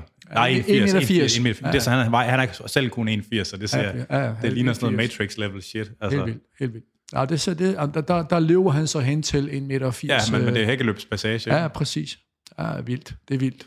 Det er vildt. Det, Ja. skal, man ikke, det skal man ikke begynde at kopiere. Det er en af de videoer på YouTube, jeg har set flest gange. Altså den der, hvor han, øh, han Hvor løber han- fem hække eller sådan noget på de der Præcis. 1,80. Det ser fuldstændig Helt. øh, vanvittigt ud. Jamen, han, han var også speciel. Han er, han er god. Altså, han var jo, det, var en, det, er en, det er en workhorse. Altså, det er sådan en, der ikke øh, har lige... Jo, selvfølgelig har han lidt talent, men... du må ikke misforstå mig. selvfølgelig har han, Han, talent. han, er ikke, han er ikke den øverste procent, han er bare de bedste 10 procent. Eller Ja, for eksempel, ja, ja, ja, det, det var lige for, og jeg, jeg, jeg, jeg, jeg er jo helt vild med den type, jeg ved, det er jeg er store fan af det der, det er ikke fordi, jeg er store fan af dem, som gør en ekstra indsats for at lige komme dertil, fordi de ved det virkelig, virkelig meget frem for dem, som får det forærende og sådan noget, bla bla bla, og der har han så en af dem i kategorien, hvor jeg tænker, om jeg skulle, Så dem der, det er en svensk højdespringer. det er en svensk som højdespringer. er færdig nu. Det var Ja. tilbage fra nullerne. Han er 1,80 meter og sprang to, har sprunget 2,40 meter i, i højdespring. Ja, han er en af, der, er- der er fem mennesker i verden, der er sprunget over 50 cm over deres egen højde, eller sådan noget, synes jeg. Ja, han, noget med det? øh, han er en af dem, ja. Ja. Det er rigtigt. Han er og han er den eneste, der har sprunget over to meter med alle højdespringsteknikker, tror jeg også. Øh, der ved du lidt mere, end jeg gør. Det må jeg indrømme. Det her Hvad er ikke. det, hvad, er, hvad er der fem eller seks eller syv teknikker i alt, der har været brugt? Altså, Nej, inden for højdespring, der er jo flop, og der er væltestil. Ah, øh, der er flere endnu, men det kan godt være, det er længere tid siden. Okay. Du tænker også mod saksehop, og yes, okay, du yes. tænker så også på saksehop. Og, Og, og, og, øh, og koldbøtte... Øh, kold, Nå, ja, okay. Jamen, det er sådan uo- uofficielt, ja, kan ja, ja, sige. men, men jeg mener, han er, jeg tror nok, han er den eneste i verden, der sprunget over to meter med alle de teknikker, Alle de ting, der... okay. Jeg kan i hvert fald kun huske, øh, jo, nu sakse, jo, når du siger saksespring, kan jeg godt lige huske det, men ellers hedder den jo væltespring, øh, også øh, ja, flop, ikke, som blev øh, introduceret i 68 af Dick Frostbury. Ja, The Fosbury Flop. Frostbury flop, Ja. ja, præcis. Øh, hvad for en rolle spiller plyometrisk træning i det her? Altså, fordi der er jo plyometriske elementer i alle øvelserne, men jeg ved inden for atletik, der er mange, der bruger specifikke øh, plyometriøvelser, hvor man laver nedspring med afsæt. øh, med Ja, jeg forstår, jeg forstår. Men øh, i, nu fortalte jeg jo så med tirsdag og, og, og lørdag, at vores styrke, øh, styrkeudholdenhed var et element. Der er jo en del, en del plyometri-træning af det, for også for at få lidt, øh, hvad skal man sige, øh, pulsen op, samtidig med, at man, man stimulerer plyometri, altså de der øh, eksplosivitet med hop. Øh, dem er der jo en del af. Øh, det er jo lidt svært at lave, altså du kan se boxjump i forhold til øh, ned, nedfald fra en 90 meter kasse op til en 60, og nedfra, og vender man snuden den anden vej, nedfald fra en 90 eller 60 cm kasse op til en 90. På den måde kan man jo også lave et element af træning i cirkeltræningen, øh, ja. som et, øh, en, en øvelse. Du vil gå simpelthen tage det ind som en del af cirkeltræning? Det er det, det, er det jeg prøver. Jeg har jo, et- et- et- altså, jeg har jo mange cirkeltræningskoncepter. Jeg, har, jeg tror, jeg har 12, der er sammensat af forskellige måder, hvor alle de elementer, jeg fortalte om tidligere, jeg varierer bare øvelser, nogle nye øvelser hver gang. Er det, øh, jeg, jeg tænker, øh, igen, uden at have særlig meget erfaring med at planlægge plyometrisk træning, jeg vil umiddelbart øh, godt, kunne være, man kunne være lidt bange for, at når man altså hvad kan man sige, plyometrisk træning er jo noget meget intens, meget specifikt neuromuskulær træning af en helt bestemt egenskab, man forsøger at optræne. Mm. Jeg vil være sådan lidt nervøs for at inkludere det i, en, et, i et setup, hvor folk samtidig med er forpustet og, og begynder at have træthed. Altså, ja, ja. At det, altså... det her element, jeg nævnte lige før med 90 og 60, det er selvfølgelig jo skudt over mål. Det er jo, det er jo ikke så højt. Så højt er vi jo ikke. Vi, nej, nej. vi er nede på et lavere niveau. Okay. Det skal du lige huske på. Det er sådan, det, ja, det der ja, ja, ja. er. Øh, vi er på det niveau, hvor, hvor vi ikke er oppe i de der nævnte, som du nævnte, når man siger, hvor vi er tæt på de der 100 procent. Øh, vi er jo stadig på de der 85 procent, så det er jo øh, øvelsen sat, sat af, altså sat på i forhold til. Ja. Så, så det vil sige, Øh, I forhold til det, du refererer til, øh, der kan man så sige, der bruger jeg elementet i forhold til øh, stævneperioden, hvor vi laver noget, lad os sige, en øh, meget få gentagelser i halve squat med tung, og så lige efter laver vi seks stykker hækkehop. Og så holder vi 6-7 minutters pause, for lige centralnervesystemet får lov til at lige slappe lidt af. Og så gentager vi så igen. Ja, øh, ja. Udover dem er der så selvfølgelig nogle vedligeholdelsesøvelser af mave og ryg og skulder. Og hvad, hvad, hvad for en dag vil det så være på? Det kommer an på, hvordan stævneperioden ser ud. Okay. Det kommer an på, hvor, hvordan ser, ser stævnesæsonen ud, hvordan ser terminen ud, og så det, jeg skulle gerne være tilrettelagt i forhold til. Altså vil det tælles med en del af styrketræningen? Du ja, ja, bestemt. Altså, okay, så det, så det vil være var det mandag og fredag så? Eller? Det kommer så an på, øh, hvis nu vedkommende har været i gang i lørdag og søndag til stævne, så ser ugeprogrammet lidt anderledes ud i forhold til, hvis der var en lørdag eller en fredag, de har været, eller forskellige ting. Ja, ja. På den måde er der kæmpe store forskel, der er mange variationer. Det er svært at sådan sætte dem op på en bestemt Ja. Øh, altså, så, så hvis det her, det ligesom det skulle beskrive forløbet, hvor man er i gang med at bygge en løber op, altså mm. hvor, lang, hvor lang tid tager det at lave, en gennemsnitligt set, at lave en fornuftig løber ud af folk, altså før de ligesom er, hvad kan man sige, 90 procent fra der, eller du ved, inden for, inden for 10 procent af deres øh, potentiale, sådan som, altså snakker man 2, 3, 4, 5, 6 år? I hvert fald to og en halv sæson, måske tre sæsoner. Okay. Sæsoner. Det var kortere tid, end jeg har regnet med kortere tid? Ja, det, det, jeg troede, det ville tage længere tid. Nå, okay. Altså. Ja. Jamen det, altså min erfaring, det er, det er de der, øh, og jeg har bygget erfaring på, øh, altså helt fra unge af, der, der, der, der, der øh, venter jeg med at gøre noget, fordi skal lige, den naturlige tilvækst skal lige sætte sig, før man begynder at belaste med forskellige øvelser af en eller anden kaliber. Det er ikke det, vi snakker om. Vi snakker om voksne mennesker, der gerne skulle være udvokse, men nu skal de stimuleres til, til at blive bedre løbere, både teknisk, men også i forhold til resultater. Og det er min erfaring med diverse, jeg har haft øh, med at gøre, at øh, jeg kan se, når jeg kigger på deres protokol, hvor lang tid er det gået, hold op, der er gået typisk to eller tre sæsoner, så sker der lige pludselig nogle kæmpe resultater, fordi de vil det. Ja.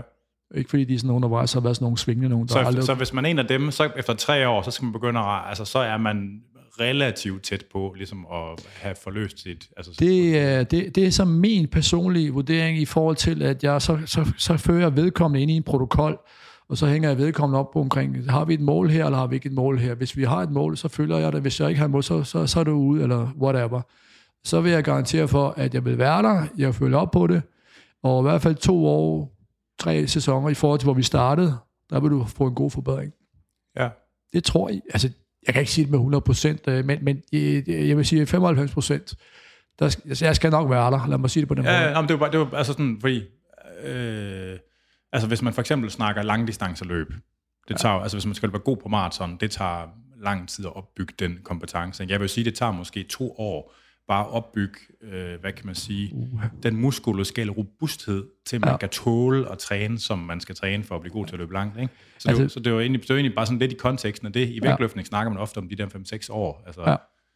Øh, nu nævnte du øh, nogle distancer, hvor jeg sådan tænker, hvis jeg skulle få nogen af den kaliber, som havde lyst til at blive guidet af mig under mine vinger, eller vejledt, whatever, øh, der, der vil jeg så sige, være ærlig fra start at sige, det er ikke mine spidskompetencer, men, men jeg kender jo Arthur Lidias principper. Ja.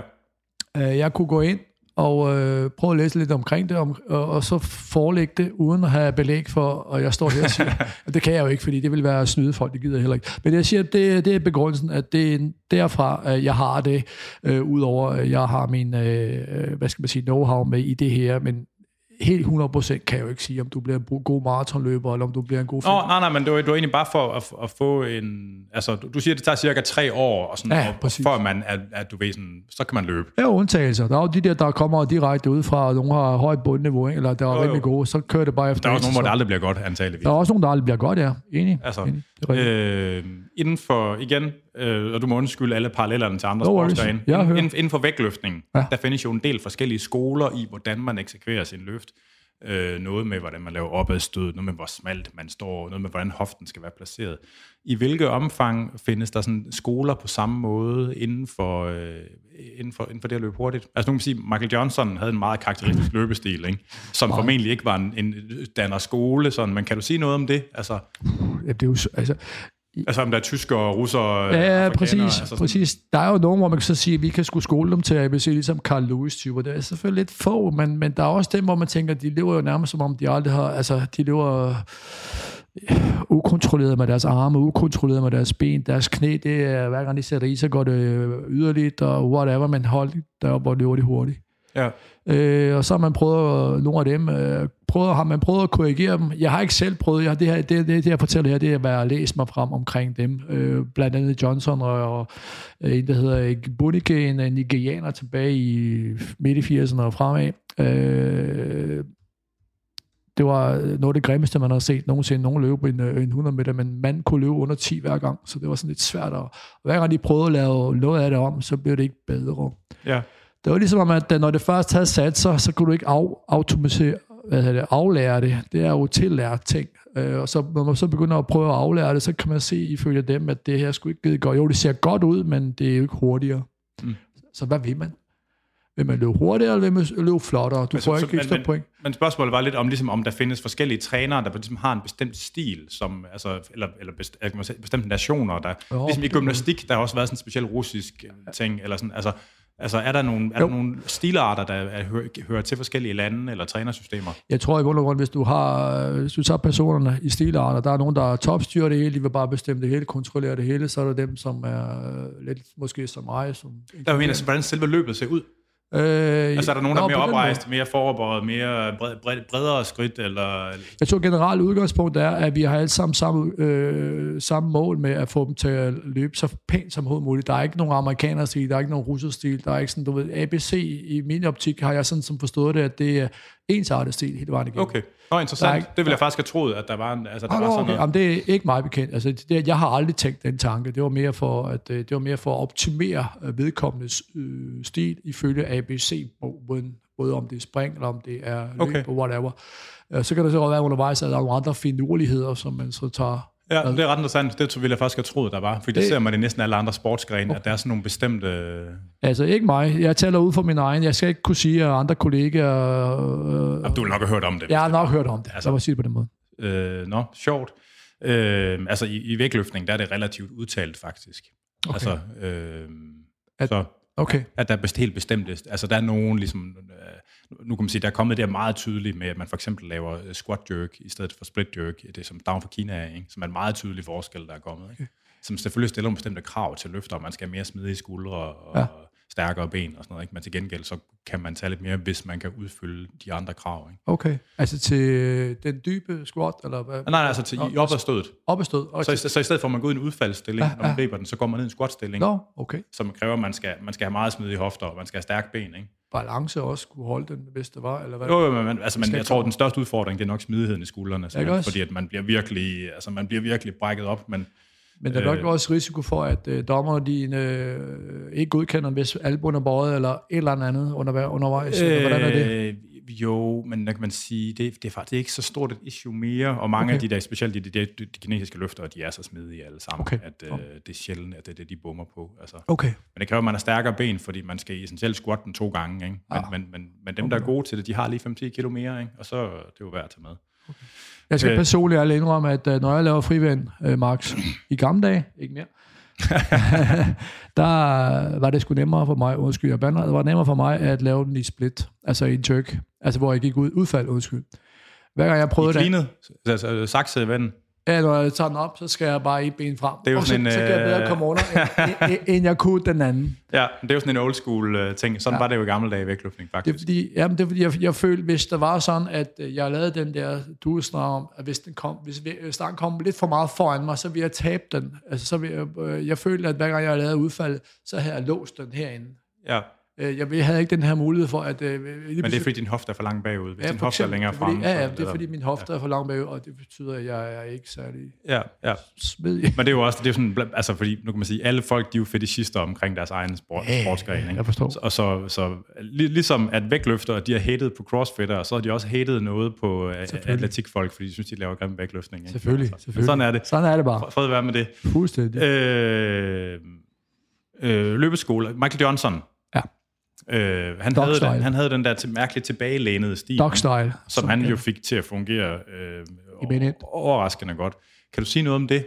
Altså sådan... Øh, Jamen altså, ifølge ham selv, og ifølge øh, hans udtalelse omkring, hvor meget han satte pris på hans træner, ikke ændrede særlig meget ved hans løbestil, fordi at træneren åbenbart øh, havde... de har formentlig forsøgt jo. Jeg har sikkert forsøgt, ja, og, han- og, og han har jo hørt uh, alt muligt, som han sagde, at uh, alt muligt kom udefra og uh, kom med god råd og bla bla bla, men altså, øh, træneren hans øh, øh, vurderede efterfølgende, når det har forsøgt alle de ting, at hans position fra hofte, knæ og ankler i forhold til, øh, hvad skal man sige, den optimale del med kosteskaft, selvom hans skulder var lidt længere tilbage. Men den havde den rette position, og han, fik jo, han var jo stærk i sin afvikling, som han nu var. Ja, ja. Og den måde, han løb. Han, han virkede jo, som om han løb meget frekvensagtigt, for den måde, så det så sådan ud. Altså, for, altså han havde en høj... Øh, Høj frekvens i Ja, sit ja. løb. Det så jo sådan ud, ikke? Så kort, kort, lidt korte skridt. Og, Det så sådan ud, men når man målte og der, hvor han satte i og satte af, så var det lige pludselig langt. Ja, men, Men sy, det er synligt, men syn, synsmæssigt så det ud som, det var meget, meget, meget korte skridt, han tog. ja, ja. Men når man øh, gik, gik ind og målte omkring længden på hans afvægt, det var jo sgu pænt, samtidig med frekvens. Så, så det var jo det var jo ikke for sjov skyld, man har løbet så, så hurtigt på en 200 meter. Nej, nej. Øh, I hvilket omfang, øh, altså når du, når du ser en person, og du kan se den persons proportioner, ikke? i hvilket omfang påvirker proportionerne ligesom, øh, hvordan man anbefaler, at folk skal løbe lange ben, lange arme, kort torso, lange lårknogler, kort læge, øh, altså, Okay, det, er- altså, nu nævnte jeg jo lige før med en, som kom ud fra øh, dårligt. Altså meget var, udgangspunktet var dårligt, men, men, men der var sgu en afvikling. Altså når man afviklede øh, efter ground control, og så lige afvikle efterfølgende, ikke? hvor man havde et øh, isæt, der var lige præcis der, hvor det skulle være. Ikke så meget foran sig, men lige under sit tyngdepunkt, og, fik, og så havde vi øh, personligt et fantastisk afsæt, som var godt, men resten var skidt. hvordan, hvordan, hvordan, skal byg, hvordan er den ideelle bygning for en 100 meter løber eller en 200 meter løber? ideelle bygning, uh, altså hvis du kigger derude omkring alle dem, der har løbet gennem tiderne, hvad, hvad så tænker hvad er den ideelle bygning? Altså det ved jeg sgu ikke. Altså jeg tænker, at Carl Lewis er jo nok den ideelle bygning i forhold til både teknik, ikke så meget acceleration, eller ikke så meget ud, ud af blokken og de første 10 skridt, men øh, oppe i topfart, der var han jo eminent. Og Så han var lå han en, hvor høj var han? 1,83? eller? 91, som Han var høj også? 1,88-90 stykker. Han var høj. Okay. Han havde jo ikke sådan, altså... Han var ikke volumenstor. Han han var var ikke, ikke sådan jacked. Nej, nej, Hvad han vejede? 80-85 kilo? Ja, det passer vel 86-87 kilo. Det passer okay. til hans højde, sådan set. Havde han lange ben eller kort ben? Han havde, kort- han havde lang ben. Okay. Er, er, det, er det godt? Ja, altså, det har Bolt jo også. Øh, Han var jo høj, han var jo så han var rigtig høj, høj. ja, ja. Altså. Det var lige sådan næsten sammen. Jeg ved, jeg ved ikke, det skal jeg jo ikke spille klog på i forhold. Jeg kan jo så se, det man har også set få små typer. Andre Kayson, øh, det siger der ikke særlig meget, men en lille type på 1 meter 65, 68 kunne løbe 9-9 på en, øh, på en 100 meter. Blev nummer to en gang øh, i 93 i Stuttgart. Altså, ja, det er svært. Det er sgu svært at sige, altså. Ja. Altså han, øh, jeg ved ikke, øh, og en, en Kim Collins, øh, en fra St. Kitts Nevis, så siger jeg ikke så meget derude, men han, han har været med i fire, siden 2000 til han stoppede. Øh, han var heller ikke særlig høj, men han brugte aldrig styrketræning. Det var sådan noget mere styrkeudholdenhed. Hver gang han brugte styrketræning, så blev han bare dårlig og, og følte sig dårligt tilpas. Han endte jo så med at løbe 9,93 som 39-årig. Så kan vi altid diskutere om øh, det, vi snakker om tidligere, om det er gået Han har fået lidt hjælp. er noget færre, om det er gået færre til, eller hvis du så så ham og kigge på, hvordan han så ud, så vil du tænke, han ligner en 800 løber. Ja. Der er så. Hvad med, øh, hvad med så noget som eksplosiv styrke i forhold til reaktiv styrke? Det er jo forskellige ting. Ja, Altså, altså reaktiv styrke, det er jo ligesom, det er jo det, man træner med plyometri. Det er evnen til at lave den her, altså lave en ekscentrisk om til en koncentrisk arbejdsfase. Ja, ikke? ja. Og der findes mennesker, der har høj eksplosiv styrke, uden at have en særlig god reaktiv styrke, og vice versa. Ja. Hvad er vigtigst for en sprinter? Ej, men det vigtigste er begge dele. Hvis altså nu øh, i forhold til det, du fornævnte lige før, øh, lad os så sige, når jeg laver øh, dødeløftstest med nogen, hvor, det, hvor jeg virkelig kan mærke, det går ikke særlig hurtigt. Det er jo langsom styrke, man ja, tester der, ikke? Men centralnervesystemet får at vide, at nu skal du bare øh, komme derud af. Ikke? Ja. Det er jo det, der er vigtigt. Det er, hvad, hvad, hvad siger systemet, hvad man skal. Det kan godt være, at det ikke syner særlig hurtigt, men systemet er jo i gang på maksimalt niveau. Øh, at, ja, ja. Kan du følge mig? Det er ja. den kaliber, jeg laver en vurdering på i forhold til, øh, om det var en stået længdespring, og se, hvor langt du kunne springe på den eksplosive fase, eller hækkehop, eller forskellige ting og sager. Det er også en vurderingselement, kan man sige. Det kan godt være, at bevægelsen ser langsomt ud, men du giver alt, hvad du kan for at få den op. Ikke? Så vil sige, du, men, systemet er utrolig presset. Jo, jo, men altså, det er jo tit, at folk, der har eksplosiv styrke, at de også performer godt i langsom styrke. Ja. Altså, mens at man kan godt være god til langsom styrke, uden at have eksplosiv styrke. Altså, fordi der findes folk, der er gode til dødløft, eller squat, som ikke kan springe for shit, fordi at de bare har langsomme muskler. Ikke? Altså, det er rigtigt. Det er rigtigt. Det er altså, rigtigt. Men, men det, er jo, det er jo sådan lidt balancen i det. Altså, en, en vægtløfter for eksempel, de ja. behøver ikke det der reaktive noget, fordi ja. det reaktive er ikke, altså, det fylder ikke særlig meget det, man skal kunne. Ikke? Ja. Og det er jo sådan en underlig... Altså, vi snakkede lidt om det der med arv før, og der er noget meget tydelig arvelighed i det der med, hvor hurtige muskler man har. Det ja. handler virkelig om at have de rigtige forældre. Ikke? Jeg aner ikke, hvordan det er med den reaktive styrke, altså hvor trænerbart det er i virkeligheden. Hvad er din oplevelse af det? Altså min erfaring omkring trænerbarheden omkring det punkt, det er det element, hvor man så siger, at for mig der er det vigtigt, at det også er med, selvom det ikke skal fylde særlig meget. Det skal bare være en del af noget af træningen. Okay, så det er ikke sådan en... Okay, okay. Kan du følge mig? Ja, ja, ja, ja det kan jeg godt. Ligesom alle mulige andre ting, hvor man så siger, hvad har, hvad har inderlovstræningen med øh, sprint at gøre, når vi laver inderlovstræning. Det er jo sådan et forebyggende element, sådan at inderlovet og yderlovet øh, også bliver stimuleret, sådan når vi laver et isæt i selve, når vi løber med vores øh, fire hoved, som er så stærke, og baglovene, så er det ikke sådan, at knæet det begynder at vakle til den ene eller anden side, for det, det, det er ikke blevet stimuleret, det magter ikke den linje, lige linje. Nej, så man kan stabilisere ordentligt. Præcis. Ja, ja det giver mening. Øh, jeg, ved du hvad, jeg tror faktisk, vi, altså nu er vi været igennem de punkter, jeg har skrevet ned på til dagsordenen. Fedt. Du, du vil gerne have sagt nogle af de mere konkrete ting. Er, er, er, er, har du fået sagt de ting, eller er der noget, du sådan tænker, der mangles? Ikke meget bekendt. Jeg var mere i tvivl om, at jeg helt taget efter første afsnit, om jeg fik lige sagt nogle konkrete ting, folk kunne forholde sig til, fordi jeg synes, det var... Ej, jeg stoppede dig lidt jo. Altså, ja, det gjorde jeg. Det, altså, så, det, så den tager jeg på min kappe. Nå, okay. Men jeg tænkte i hvert fald efterfølgende, det skal jeg i hvert fald have med den her gang. Det var det ja, eneste, jeg ja, tænkte ja, ja. på. Men det er jo fint. Altså, og det giver jo, hvad kan man sige, øh, al den stund, at du ligesom ikke tilslutter det her med lineær periodisering, det gør jo også beskrivelsen af træningen lidt lettere, fordi så er det ikke, altså, øh, altså, så er der ikke så mange blokke, man skal beskrive, eller præcis, hvad man kan sige. Præcis, altså, præcis. Øh. Også det med, at øh, hvis jeg har 15 forskellige typer af, af folk, er det svært for mig at sige, at det her det er den rigtige måde at gøre det på, men havde jeg jo syv ja, ja, ja. stykker, otte stykker, hvor man så siger, det jeg forholder mig til, at på de syv har det virket rimelig godt, så måske kan man konkretisere noget af træningen ved at sige, det kan godt bruges måske på den type, eller whatever, ikke? Ja. Men hvis jeg nu havde forskellige, så er det svært at stå her og kloge sig på ting, og så er, hvor man tænker, hmm, er det... Naturligvis.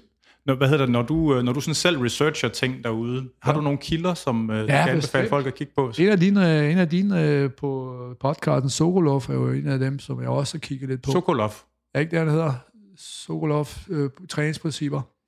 Det kan godt være. Øh... Og, og Verkuchanski. Ja, ja. Specielt Verkuchanski, ham bruger jeg en del.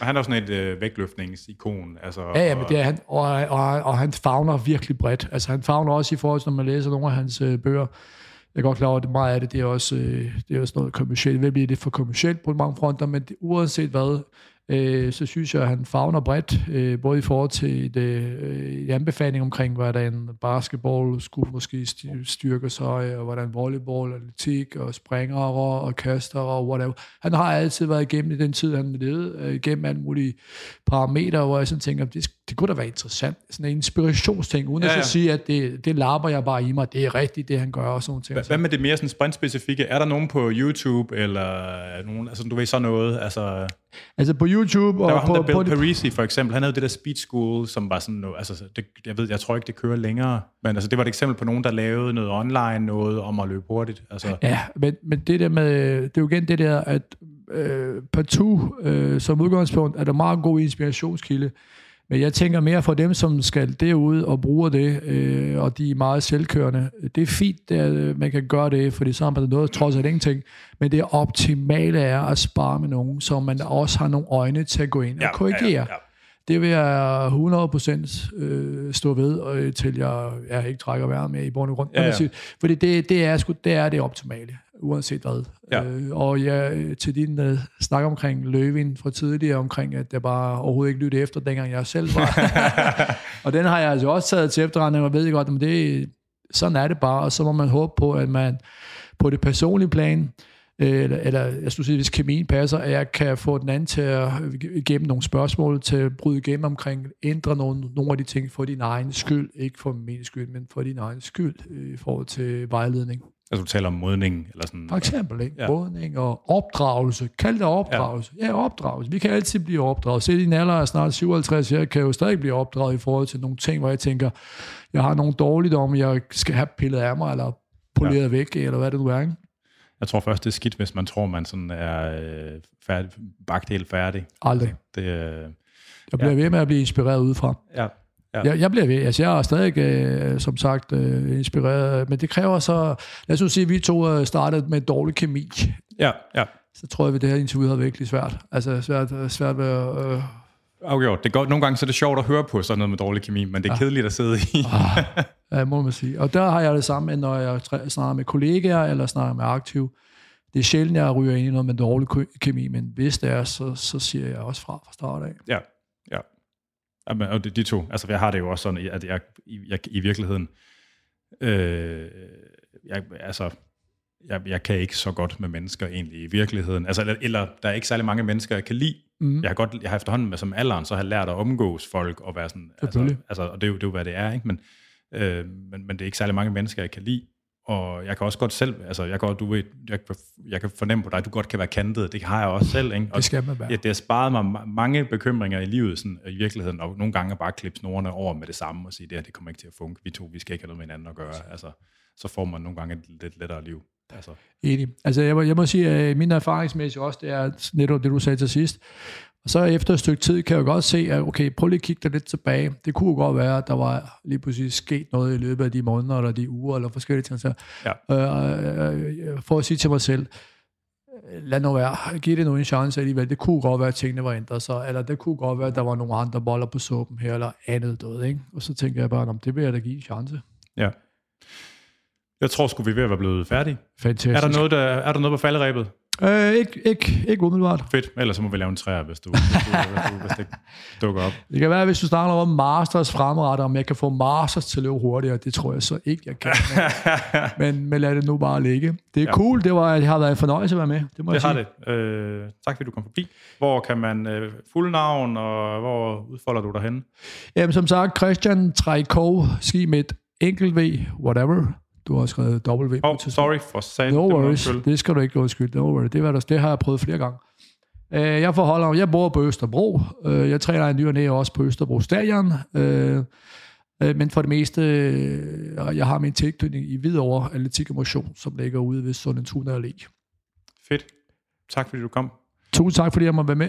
Du har lyttet til Fitness MK derude. Jeg hedder Anders Nedergaard, og du kan lytte med til den her og de andre episoder af Fitness MK på Stream og Podcast. Og dem kan man streame inden for andersnedergaard.dk eller fra vores host Spreaker, og man kan podcasten fra alle de store podcasttjenester. De gamle afsnit af Fitness MK, der blev lavet i Radio 24-tiden, kan stadigvæk streames fra Podimo, men i et separat Fitness MK feed. Programmet det er produceret af Jonas Pedersen, og I kan skrive ind til os på afn eller på programmets Facebook-side eller Instagram.